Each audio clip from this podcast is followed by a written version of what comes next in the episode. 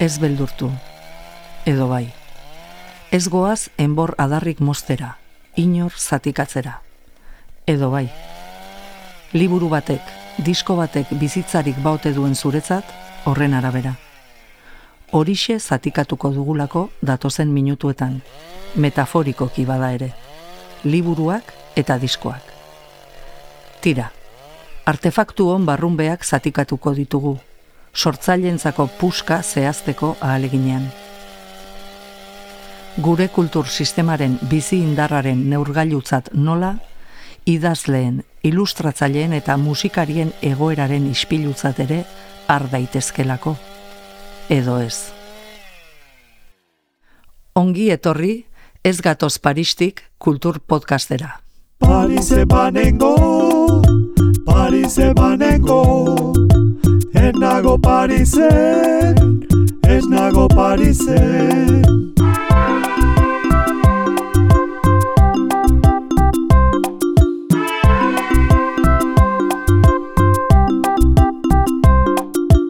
Izketan hasieta, ez nauzu etengo.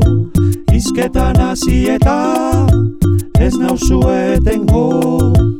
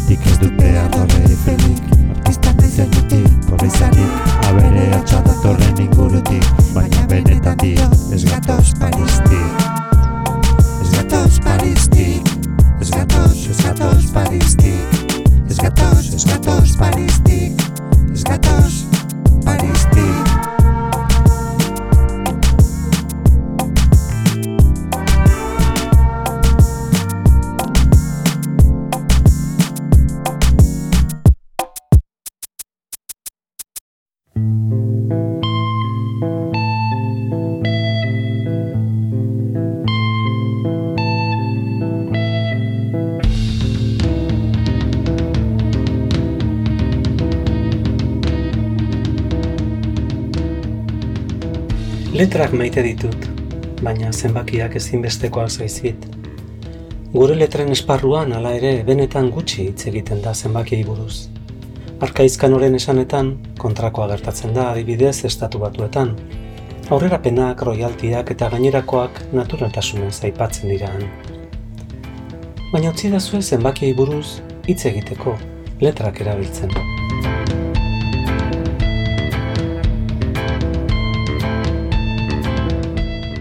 Diotenez, behin batez Indiako sei idazle itxuk, elefantia nolakoa den jakin nahi izan zuten, ukimenaren bitartez besterik ez bazen ere.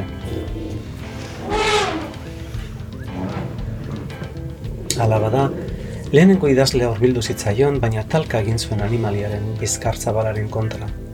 Orduan esan zuen, badakit, horma bat da.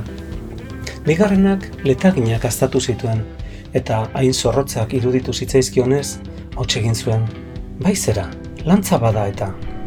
Hirugarrenak animaliaren trompa bihurri aukitu bezain laster, garrasi egin zuen, suge bat da!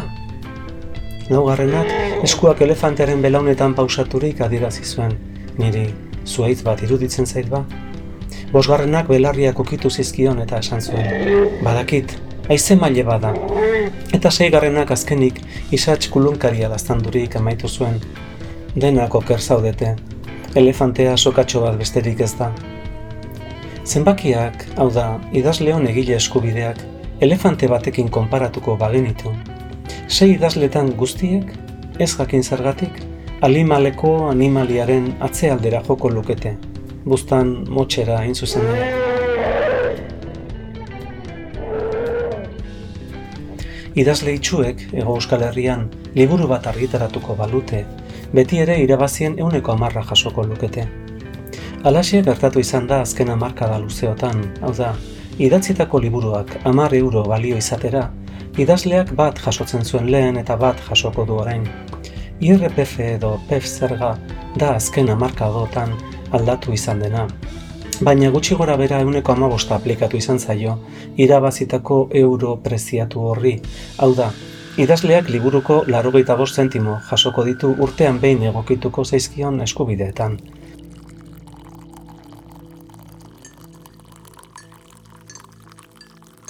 Kafesne edo basuardi erdi bat, ozta, ozta. Labur bildurik, liburu elefantea balitz, txerri boda edo elefante bodarretan idazleak izatxarekin konformatu beharra zeukan eta dauka. Horregatik latzagoa izaten da elefantearen sabelaldea edo errealitateren arresiarekin egin beharreko talka.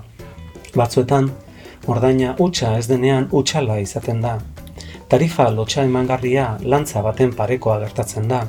Eta okerna zera dugu, onartu ezkero urrengo idazleari alakosia edo okerrago eskeniko diotela, ura trompatzeko pozoi utxa alegea. Baina gizartean alakoak entzuteko bozgora jurik ez, belarririk ez nunbait eta biziko bagara, isatx kulunkariari eusten jarraitu behar, eta beka eta lehiaketa beti zalantzagarri eta gora beratxuei.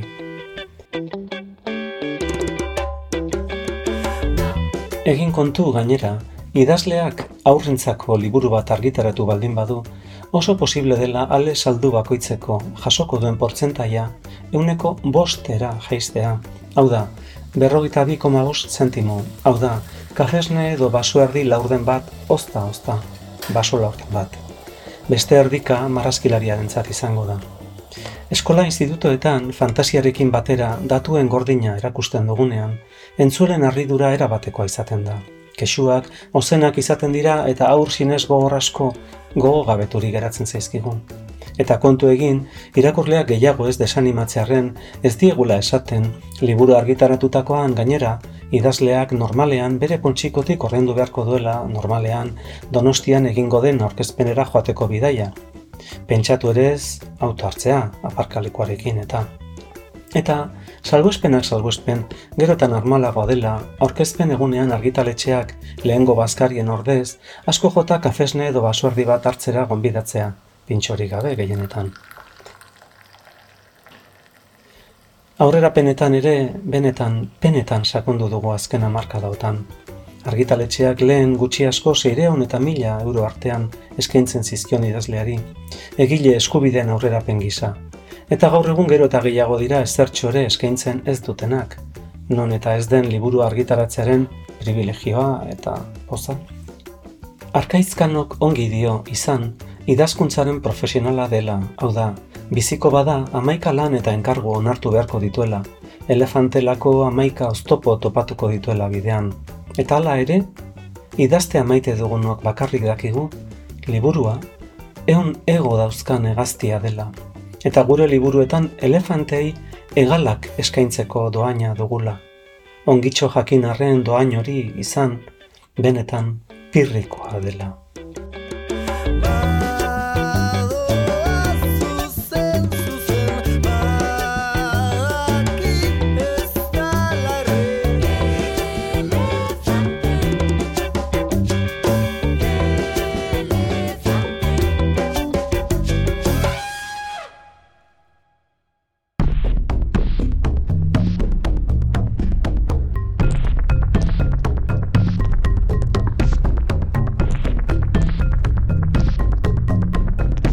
Kultura biziaz eta bizigarriaz hitz egitera gatoz.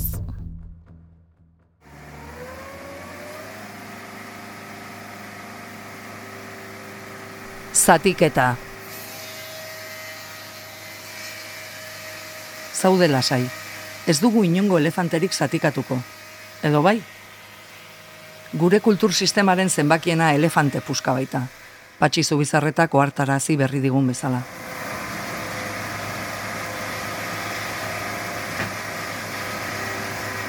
Ekiogun zatiketari bada. Euskarazko liburu eta disko aurkezpenen urteroko sasoi oparoena ate joka daukagunean. Azteko egigun irudimen ariketa xume bat. Iazko durangoko azokan egon ziren nobedade guztiak imaginatu eta fardel trinko bakarrean bildu liburuak. Beste batean sartu diskoak. Demagun liburu fardeleko ale bat erosi duzula, hogei euroan. Novela bat. Ego Euskal Herriko argitaletxe batek argitaratua. Azteko, pagatu dituzun hogei euroen euneko lau Espainiako estatuak jasoko ditu, balio erantziaren zergaren bitartez. Horrek emeretzi koma hogei euroan uzten digu zatitzekoa. Eta egileak bere eskubidengatik saldutako ale bakoitzaren euneko amar jaso hoi dituenez, bat koma larogeita amabi euro kobratuko ditu zuk erositako aletik. Ireki parentesia. Kobratu dizkizutenen euneko larogeita amar, liburua ekoizteko, banatzeko eta asaltzeko prozesuan parte hartu duten agentei pagatzeko erabiliko dira. Itxi parentesia. Emaiogun egurra zerra horri.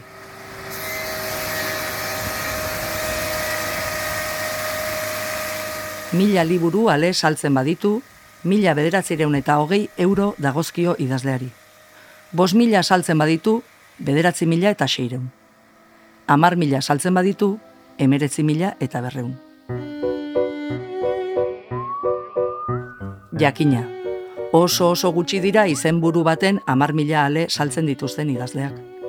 Bos mila ale saltzea bera ere arrakastatxua izatea da.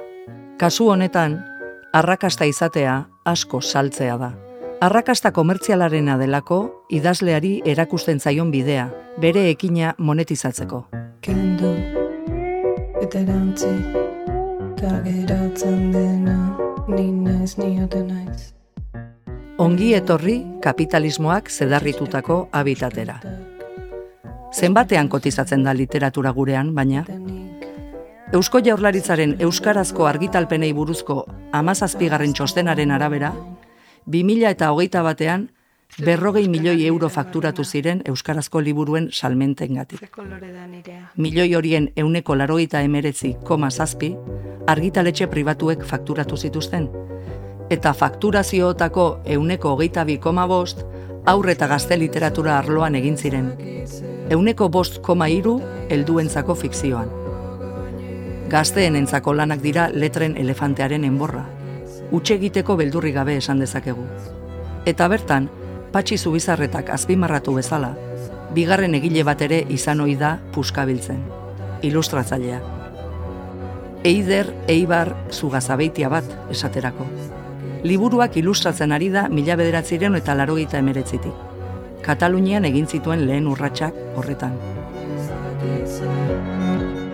Osa, niri egiten zizkiaten proposamenak izaten ziren e, e, kontratuakin egiten baduzu lan, aurrerapen bat izango duzu, eta kontraturik gabe egiten badugu lan, aurrerapen hori ba, pixka bat handiagoa edo izango da. Eta ez duzu gehiago ezer jakingo ja, e, irabaziei buruz. Orduan, nik onartu izan ditut lanak, ba, ba, ba imaginau, hogeta bi urte, hogeta hiru urte, Bartzelonan bizitzen, han bizitzen jarraitu nahi, honetaz e, marrazkiak egiteaz bizi nintzen, eta ez nik uste dut, eta ez nuela luzera begiratzen, eta ez nuela ba, ondo begiratzen zer ari ziren eskaintzen.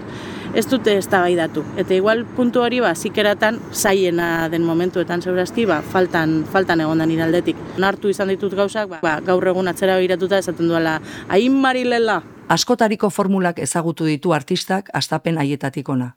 Langile autonomoa da 2000 eta bostetik. Eta zenbakietara ekarri du bere ibilbidea.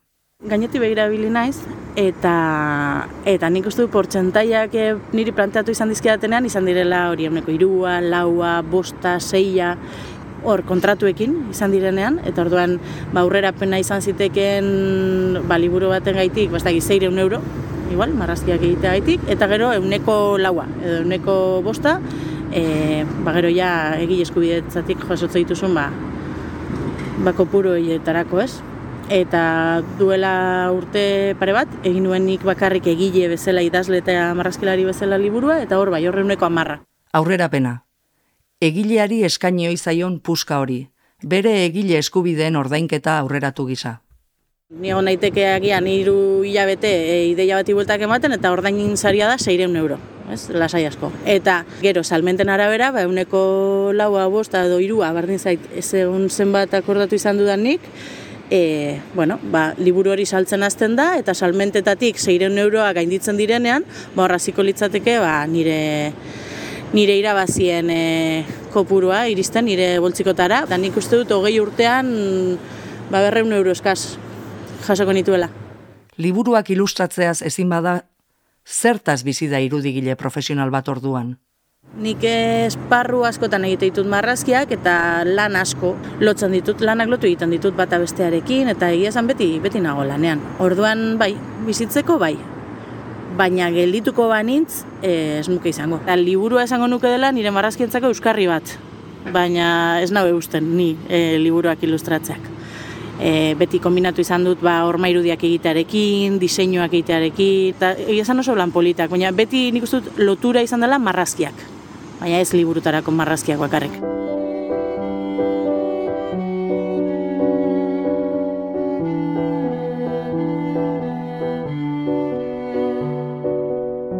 Eta idazle bat, zertaz bizi da idazle profesional bat?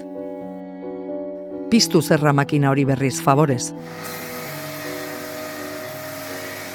Argitaletxe pribatuek, batez beste, helduentzako fikzioko izenburu bakoitzarekin mila lareun eta berrogei aleko tirada egin zuten 2000 eta hogeita batean. Aurre eta gazte literaturakoekin, mila sortzireun eta hogeita bederatzikoa. Demagun ale horiek guztiak saldu zirela urtebeteko epean. Ez da egia, baina egia dela pentsatzak postu egiten gaitu, zer egingo diogu bada. Hogei euroko salneurria berreskuratzen badugu, bat koma larogeita amabi euro bider mila lareun eta berrogei ale, berdin bi mila zazpireun eta irurogeita bost euro. Horixe helduentzako fikzio liburuen idazleek, bi mila eta hogeita batean liburuko irabazi zutena, gure formula fiktizioaren arabera, bi mila zazpireun eta irurogeita bost euro aurreta gazte literaturakoek aleko euneko txikiagoa pagatu ohi zaienez, gutxiago irabaziko zuten gehiago salduta ere. Urruti oso, lanbide arteko urteko gutxieneko soldataren langatik. Ireki parentesia. Hegoaldean, amabos mila eun eta hogei euroan dago ezarrita langa hori. Iparraldean, hogei mila bederatzireun eta larogeita seian. Itxi parentesia.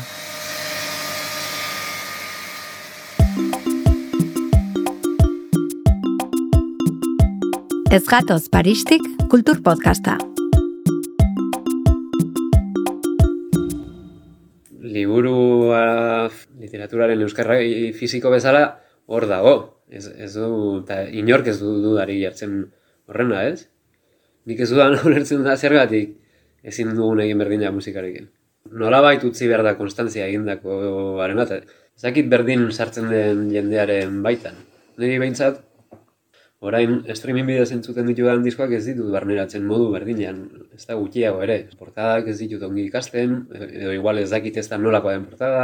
Ja, informazio pila bat uste dut gelditzen dela hor interneten zera, limboan. Liburuaren miraz mintzo da Joseba Balestena. Diskoak ere, liburuak bezala, objektu ukigarri eta oso gisa ulertzen dituelako egileak ezarritako ordena bati lotutako artefaktutzat dauzkalako, beren hasiera eta bukaerarekin. Eta disko munduaren eraldaketaren eta disko fisikoen desagerpenaren lekuko izatea egokitu zaiolako. Inor begira izan da ere, berdin egin nahi nuke. Inor begira izan da ere, berdin egin nahi nuke. Antzi dugu gure euskarri fisiko horren garrantzia eta osea, gu, gu geu debe aluatu dugu. Ze, gaur egun ikusten dituzu taldeak kontzertuetan, Duranguko azokan bertan, hau zuzenekoa ematen, beraien disko fizikoa ondoko e, zeran salgai izan ta, bueno, gure disko berria, zaki zer, Spotify enduzu entzon gaia, inorketzun salgai dugu ondoko txeringitoan. Eta iruditu izan, superadierazgarria, nola, nola gu geuk bidali dugun diskoa ja ikutara, hor egun dena izan behar delako raskarra eta ez nekatu den dara erostera joaten, bada espada, ez igual azten zaizu eta ez duzu entzungu gure, gure abestia.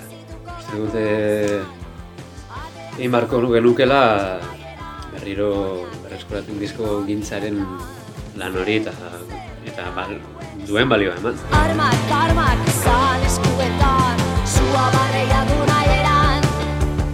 Miren narbaizak baietz buruarekin, balestenaren ondoan. Duranan daukaten gakobeltz estudioan eserita.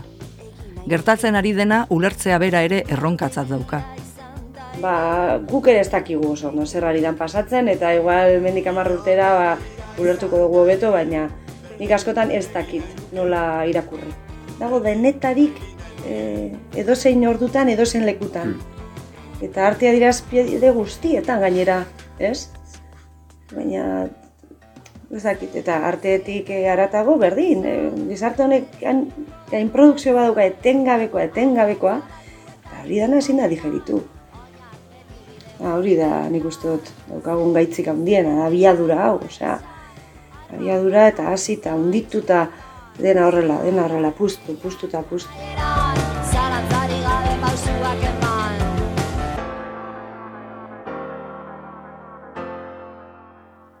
Hogei urte joan dira dagoeneko, Elkar diskoetxeko Angel Baldesek diskogintzaren aro baten amaiera iragarri zuenetik. Hala idatzi zuen orduan. Adituek diote internet dela etorkizuna, eta modu batean edo bestean biziraun nahi duen orok musika edatzeko eta eskuratzeko bide gatazkatsu eta erakargarri horretara egokitu beharko duela. Duela hogei urte, Baldesen esanetan beti ere, larogei disko berri editatu ziren euskaraz baina ekoizpen gehienak ez ziren irabaziak ematera iritsi.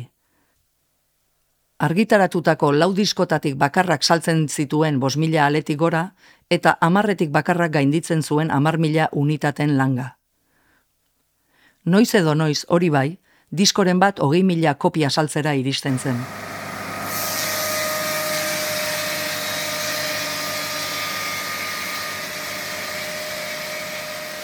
Elkarrekoak ere zerra mekanikoa erabili zuen elefantearen zatiketa egiteko. Disko salmentaren irabazi gordinaren erdia, beza sartu gabe, salmenta egituren zen 2000 eta iruan, banaketaren zat eta saltokiaren zat. Eta beste erdia ekoizpen, sustapen eta publizitatearen zat. Artistak euneko bost eta amar bitartean kobratzen zituen. Euskarriaren fabrikaziorako eta esgaeri ordaintzeko euneko amabost inguru izaten ziren, eta gainerakoa, euneko hogeita bost, hogeita mar, ekoizpen gastuak, pertsonal gastuak eta egitura ordaintzeko.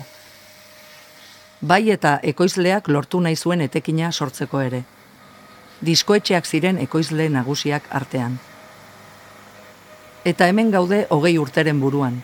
Diskoetxeak tantaka tantaka isten ikusten, egile asko eta asko beren lanen ekoizle bihurtuta. Ez que, nire ustez, e, joan gara autoprodukziora, ez, karo, streamingak bai kalte egin izanen diola disketxeeri eta horrela, baina edo nik suerte supertxarra izan dut eta nik ezagutzen dudan jende guziak ere bai, edo disketxek ez dute bat ere ongi beraien be, beraien lana. Bueno, ongi dute beraien kontuak ongi ateitzeko. Narbaizak Forbidden Colors zigilu txikiarekin argitaratu zueniaz lautada LPA. Bosteunale guztira. Disko bat, edo, nobedade aukitzak beti laguntzen du, nik uste dut, jenteak jakin dezan zaudela, martxan ez zaudela, zerbait berria daukazula erakusteko, eta nik uste dut programatzaien zako ere, amu bat badala, ez, disko berria aurkezten ari naiz, da aurkezpen bira bat nahi dute montatu, eta En, eta bai, gero guk adibidez zuzenean bakarrik saltzen ditu diskoak. Nik apropos egiten dut hori, batez ere jende atorri dadin e, zuzenekotara. Diskoa egiteko gastuen parte bat, Eusko Jaurlaritzak emandako diru laguntzarekin pagatu zuen. Laguntzak laguntza eta lanak lan baina, sortzaileen lana konputatzeko betiko ezinak hor dirau. Normalean, eh, diskoak egiten ditugu bertze lanek tarte bat libre guztien diguten momentutan. Ze gure diskoetatik ezin gara bizi, orduan hain ditugu bertze lan batzuk izan musikari lotuak edo ez, baina bertze batzuk. Orduan ja, jartzen zara zure egitera, eta ez duzu ordutegi rutina bat, ez duzu, orduan nik ezakit kontatzen, zenbat balio duen disko batek. Lautada diskoaren esperientzia gogoratu du narbaizak. Lan batzuk errezago monetizatzen dira e, beste batzuk baino sorkuntzan, ez? Badaude lan ba, ikusgarriagoa direnak, eta adibidez da, grabaketa egunak. Grabaketa egunak, musikaria datoz, e, lanean egon dira, teknikaria dago, lanean egon dena, e, grabatu da, nasketak, e, baukate izen bat, ez? E, e, masterizazioa, e, diseinua, kopiak, kopiak egin, Horrek nahiko, ez? Hoiek ikusten ditugu ulertu daitezke, eta gaina tarifak badaude ja idatzia. Ez ez, eta biak ordaindu behar diren nahi eta nahi ez. Ez du sormen lana aipatu, erraz monetizatzen direnen zerrendan. Nola hartu neurria lan horri? Bai, bez, azken diskoakin, guztira hiru urte, bai. Ze, lehengo lehengo zirriborrotik eta irten zan arte, Bai, bai. bai. Eta, baina ze ez disko hori egiten hiru urte, ez noski, ez, ez dela, ez nuen aterako inoiz. Bueno, estimazio bat egiteko. Dedikatu ezkero bakarrik zure diskoa egitera, sei hilabetetan igual egina zegoen. Bai, bai, sei hilabetetan, bai. Kalkulatu behar da, bete sei hilabetetako soldata zuria, Musikariena, gero zure teknikariena, egon den jendearena. produktorena, bai, zenba da gutxieneko soldata? Ireki parentesia, berriz. Hegoaldean amabos mila eun eta hogei euroan dago ezarrita, lanbide arteko urteko gutxieneko soldata. Iparraldean hogei mila bederatzireun eta larogeita seian. Itxi parentesia. Sua barreia du nahi eran Zalantzarik gabe pausoak eman Beti egin nahi nuke Bosteun, mila, bi mila ale. Disko tiradak gero eta doituagoak dira. Eta talde eta bakarrari gehienek gastuak ahalik eta gehien murriztuta eta zulo txikiak egitea onartuta argitaratzen dituzte beren proiektuak. Badira tirada handiagoko lanak ere jakina. Bagabigak ETS taldearen guretzat diskoaren 5000 kopia egin zituen iaz, esaterako, eta kopia horien erdiak Durangoko azokan saltzea errekorra litzatekela esan zuen etxe horretako Ritxe Izpuru. Erantsi zuenez, disko fisiko salmentak beherakada handia izan du azken hogei urteetan, eta egungo fakturazioaren euneko larogeita amabost zuzeneko emanaldietan daude. Testu inguru horretan, merchandisinga pixua hartu eta hartu ari da. Bai, pues, eh, soldata estra bat da. Prekarietatean bizi garenez, pues, egin beharreko zerbait. Sare sozialei eskaintzen zaien tartea ere, gero eta handiagoa da. Baina, sare sozialak ez dire bat ere zintzoak, osea, inor ez da zintzoa sare sozialetan, bideo bat jartzen duena ez dakit nola, erakusten du berak irakutsi nahi duen alde bat, eta gero ikusten duenak, Eski ikusiko dut, pum, botako bideo igual ematen Bai, dio bai. nahi gabe, lai, laikari edo nahi eta... dezakezu disko atera duzunaren notizia, eta gero, beste bat, zure aurpegiarekin, eta badakizu zeinek edukiko dituen EHIn gehiago, ez? Aurpegiak. Horregatik ondo dago zuzenekotara jutea, ze benetan aurpegia jartzen duzu jendeari, benetan ikusten zu talde batek nola sonatzen duen, Importa duena bizitza realian dago. Bai, bai. Sare sozialak pues, laguntzen dizute gehiago edo gutxigo, eta bueno, tresna bezala ongi egoten aldie. Pues, ez dira komunika- zero egia, serio egi hartu behar, hori ikasi dugu. Hori da asuntoa. serio egi hartu Hori da behar. asuntoa. Ezin diozu eskatu ezer, ezin duzu ezer espero bera beraien gandik. Komunikatzeko modu bat da, baina ezin duzu dena pisu guzia utzi bere, bere gain. Bizitza erreala eta virtuala. Elkarren arteko mugak gero eta lausoago dituzten plano bi, elkar bizitzen. Eta bietan, bete gabeko etorkizun baten promesa. Teorian, internetekin eta historia guztiaekin saldu ziguten denak maila berean jarriko ginela, ze denak egonen ginen konektatuta baldintza berdinetan. Berriz ere ikusten da, ez ez, dirua duenak erosten dut, ez duenak ez.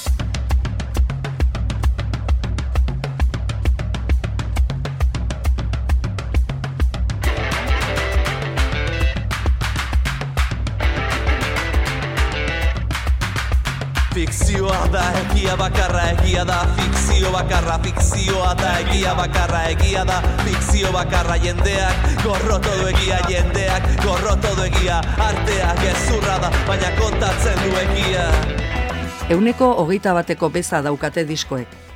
Dendan amazortzi euroan erosi berri duzun euskal diskotik beraz, amalau koma hogeita bi leudeke partitzeko. Kopuru horretatik, artista ekoizleentzat zazpi koma hogeita bi euro lirateke. Azken hogei urtean aldatu ez den gauzetako bat horixe baita. Banatu eta dendetan saldutako disko fisikoen irabazien erdiak banatzailearen esku geratzen dira oraindik ere. Musikaren elefantea baina, gero eta virtualagoa da. Plataforma digitalak ditu habitat nagusi, eta bere benetako neurriak ezkutatzen diardu. Plataformek jaitxialdika pagatzen dutelako musika, eta plataformek zenbatzen dituztelako jaitxialdiak. Ondorioz, artistak ezin ditu kontrolatu bere lanen mugimenduak. ez da oian horretan bere musika entzungai jarri eta kobratu ahal izateko bitartekari bati pagatuta ere. Bi euro mila entzunaldiko. Plataforma handienetako batek egun eskaintzen duena. Eta artistak jasotako bi euro horien euneko bat, bitartekariak hartuko du beretzat. Euneko hogei, hogeita mar, berrogeita mar, irurogeita mar. Egileak berarekin egindako tratuaren arabera. Hala itxi da kantu bakarreko gramofono diskoekin hasi zen zirkulua. Vinilozko album luzeetara, kaseteetara eta disko konpaktuetara jauzi egin ostean. Musikarien lepotik gero eta milioi gehiago egiten dituen industria pakiderbiko eta lauso baten eskutik.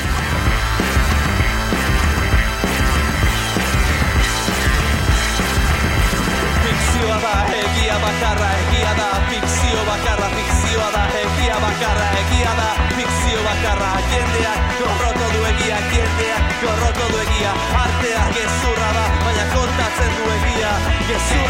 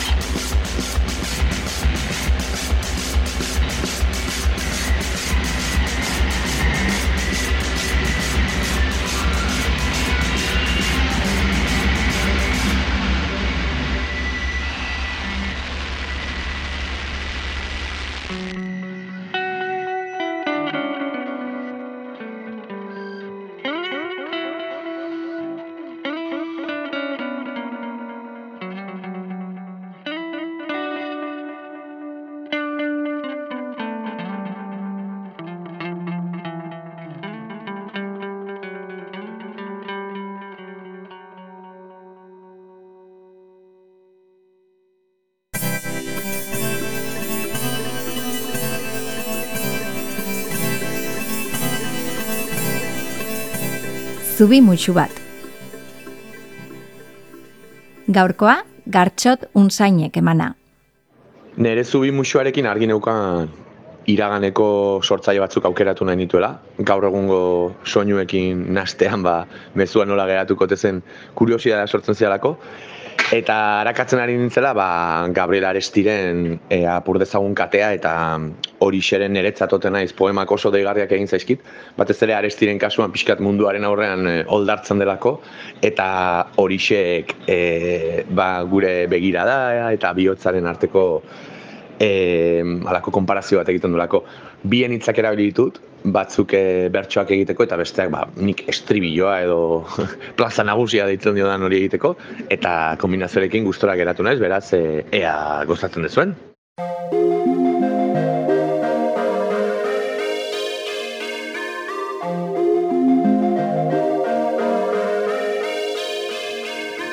Munduan beste askolez, harta buruan oskolez, atzo aspertu nintzaden, maixu ez eta eskolez.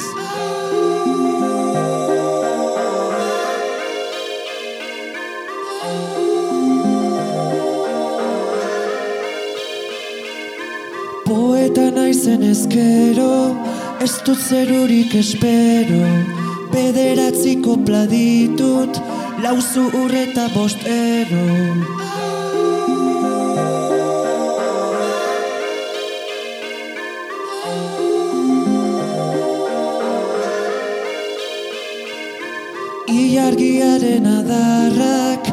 Handik zintzilik abarrak, gogoan garriak dira, zure bibegin abarrak. Begiak ezetz, bihotzak baietz, zein izangote nagusi.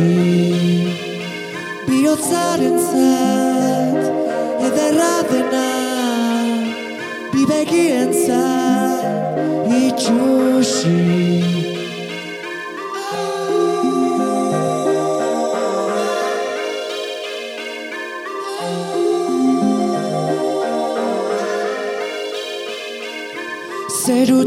Harria, nundikan berriz argia Gau ilun honetan dakust, zure aurpegi garbia.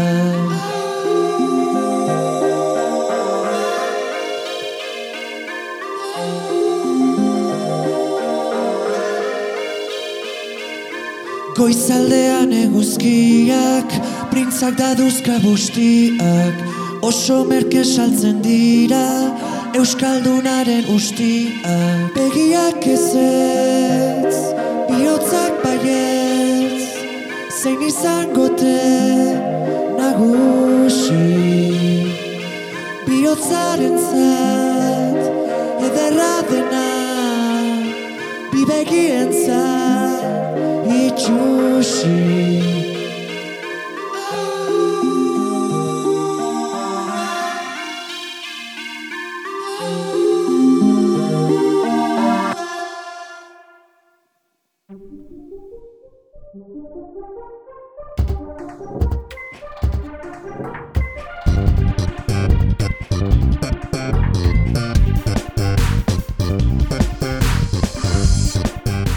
Ibizi aizi.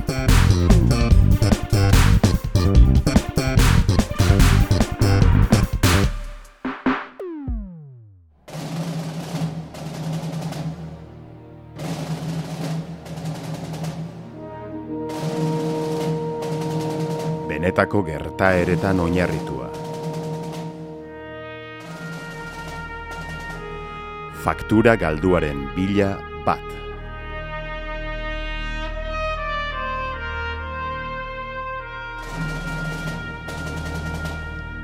Aurreko atalean, Bai da administrazio publikoa delako. Tiket bai ez, e-faktur. Behar duzu e-faktur. Baina, haren ordez, lau bat jarrita. Errazte aldera, ez? Nola? Gustura geratuko zen izena jarri ziona. Nola diozu? Ez, ez, errez. Eta galdera bat, e, softwarea, odeian erabi... E-faktur deskargatu egin behar duzu. Zure ordenagailuan. Saiatu naiz pare bat aldiz, baina saiatu naizen bakoitzean, ez Nabigatzailea izan liteke arazoa. Zer nahi begaltzaile erabiltzen duzu? Firefox. Firefox? Bai, Firefox erabiltzen Ez, dut. Firefox, Firefoxekin ez dabil. Google Chrome, ez daukazu? Ba ez, ez daukat, nik beti erabili izan. Laguntzeko gaude, instalatutakoan deitu berriro. Baina,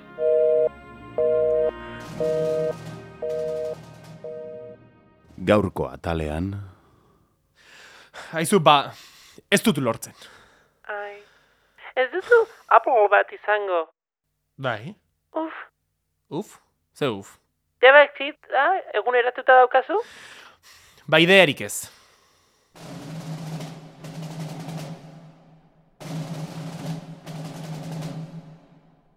Ordenagailua lau aldiz piztu eta itzali dut, softwarea eguneratu dut, Chroma instalatu dut, JavaScript. Joan naiz izenpe txartela eta irakurregailu digitala erostera, irakurri ditut bi PDF eta hemen abil oraindik faktura gabe. Oso ondo. Sar naiteke zure ordenagailuan? Tekleatu esango dizudana mesedez. izarmatika.eus. Izarmatika anormalarekin ala lau bat jarrita. Barkatu? Ez errez, ez errez. Oso ondo. Link bat bidaliko dizut eta zure idaz mailan sartuko naiz. Ados? Ados. Oso ondo. Zein da kopurua? Eh, eunda berrogeita mar euro. Gordin. Zenbat? Eunda berrogeita mar. Ondo. Zer zara? Lotua, zergapetua, ala lotua eta salbuetxia. Separatuta nago, baina. Sueltoa, uste dut. Sueltuarentzat ez dago pestainarik. Ba ez dakit. Probatu dut eta lotu eta salbuetxia da bezetik aske dagoen bakarra. Salbuespena duzu? Bai, bezetik salbuetxita, hogei garren artikulua. PFZ-arekin, baina bezik gabe. Ondo dago, ez? Tira, hori zure foru ogasunarekin argitu beharko zenuke. Nik ezin dizut esan. Lotua eta salbuetxia jarriko dugu orduan. Esan dizut hogei garren artikulua aplikatzen uzten didan pestaina bakarra dela. Ze hau, pestaina egokia topatzean datza, ez? Mm, Alaxe da, gotzon. Ba orain zerrendatik dagokion administrazio publikoa topatzea baino ez da falta, gozon. Ez da beharrezkoa esaldi oro nire izena errepikatzea. Badakit deno ikastaro bera ematen dizuetela, baina nirekin ez du funtzionatzen. Ados? Ados, gotzon. Oso ondo. Hortxe daukazu zerrenda osoa. Klikatu dagokiona. Osoa ez dago. Bai, aldundi eta udal guztiak dauzkazu zerrenda batean. Aukeratu eta... Bilbokoa ez dago. Ah, ez, jakina. Bilbokoa adibidez ez dago. Baina Arabako aldundiaren etzen zure faktura? Bai, eta ez didate onartu. Bilbokoa duela hilabete egin nuen. Beste dozen erdi bat dei egin behar izan ituen. Eskuz sartu dituzu datuak? Bai? Ah, hori ez da egin behar. Zerrendatik hautatu behar duzu. Baina Bilboko faktura egin nuenean eskuz sartu nituen datu. Bai, baina Bilbo, Bilbo da, gotzon. Intzidentzia bat zabalduko dugu eta deituko dizugu. Ados, gotzon? Ez, ez, baina, entzun. Hau izan da faktura galduaren bila lehenengo zatia. Ez galdu hurrengo atala.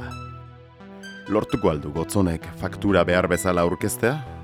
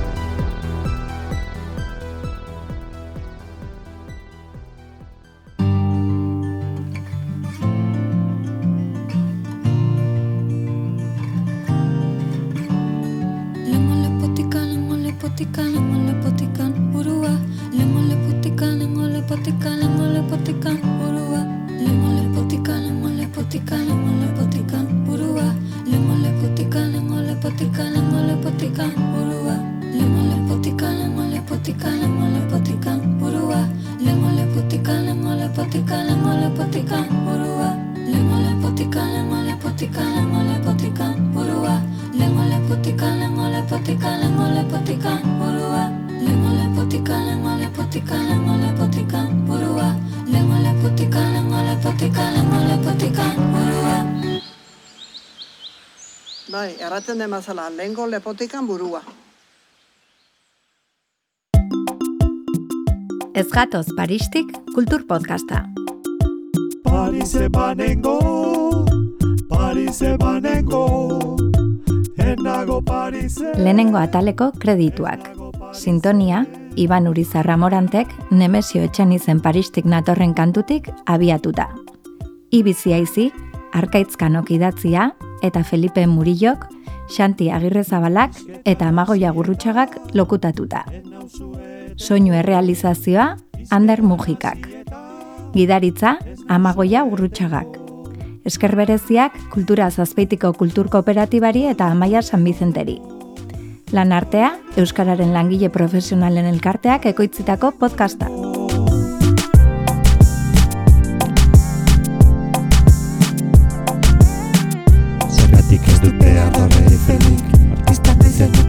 Parisari Abere atxada torren ingurutik Baina benetan dio Ez gatoz Paristi. Ez gatoz Paristi Ez gatoz, ez gatoz Paristi. Ez gatoz, ez gatoz Paristi Ez gatoz, ez gatoz.